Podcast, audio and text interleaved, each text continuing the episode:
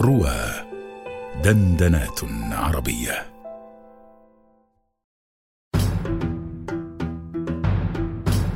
القصائد الرمضانية مع محمد حجاج على رواه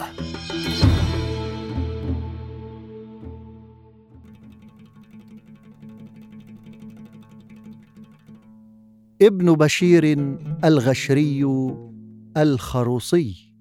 سعيد بن محمد بن راشد بن بشير الخليلي الغشري الخروصي من شعراء القرن الثاني عشر الهجري منتصف الثامن عشر الميلادي. كان حيا حتى سنة إحدى وسبعين ومائة وألف للهجرة أي في أواخر الدولة اليعربية حيث غلب الفرس على عمان. والغشريون فخذ من أفغاذ قبيلة بني خروص ولد ومات في قرية ستال من قرى وادي بني خروص من أجمل أودية عمان وأحصنها إذ تحيط به الجبال من كل جانب.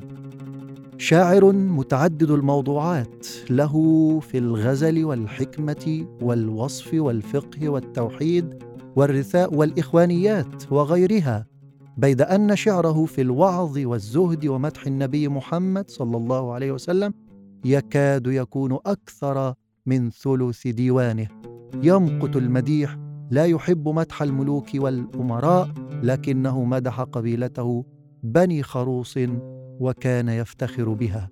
ديوانه صدر في سلسلة مطبوعات وزارة التراث والثقافة وله مقامة نثرية اسمها السونية. نسبة إلى السوني بلدة العوابي من عمان.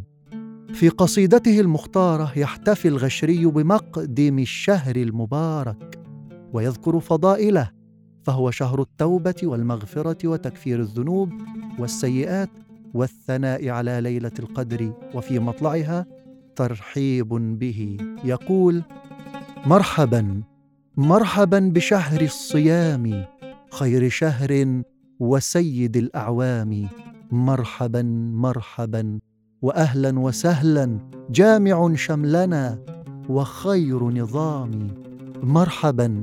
زارنا بغير اختلاف زار غبا بكل حول وعام. طاب شهرا بغير عيب سوى أن زارنا مسرعا كطيف منام. فيه تنمو من الإله علينا بركات تراسلت بالتمام. ليلة القدر فيه تعدل الفا من شهور. أتى بخير كلام وهي لما تزل تناقل فيه فاصطد الخير تحت جنح الظلام. فاز قوم بربحه واستفادوا حبذا متجر لقوم كرام. قطعوا ليله بغير منام بل بذكر حقا وطول قيام.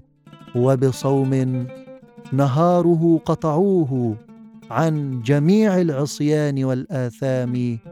تلوا الذكر بالحضور خشوعا ونفوس مزمومه بزمام. بادروا بالسياق طوعا إليه حينما هاجروا. لذيذ المنام.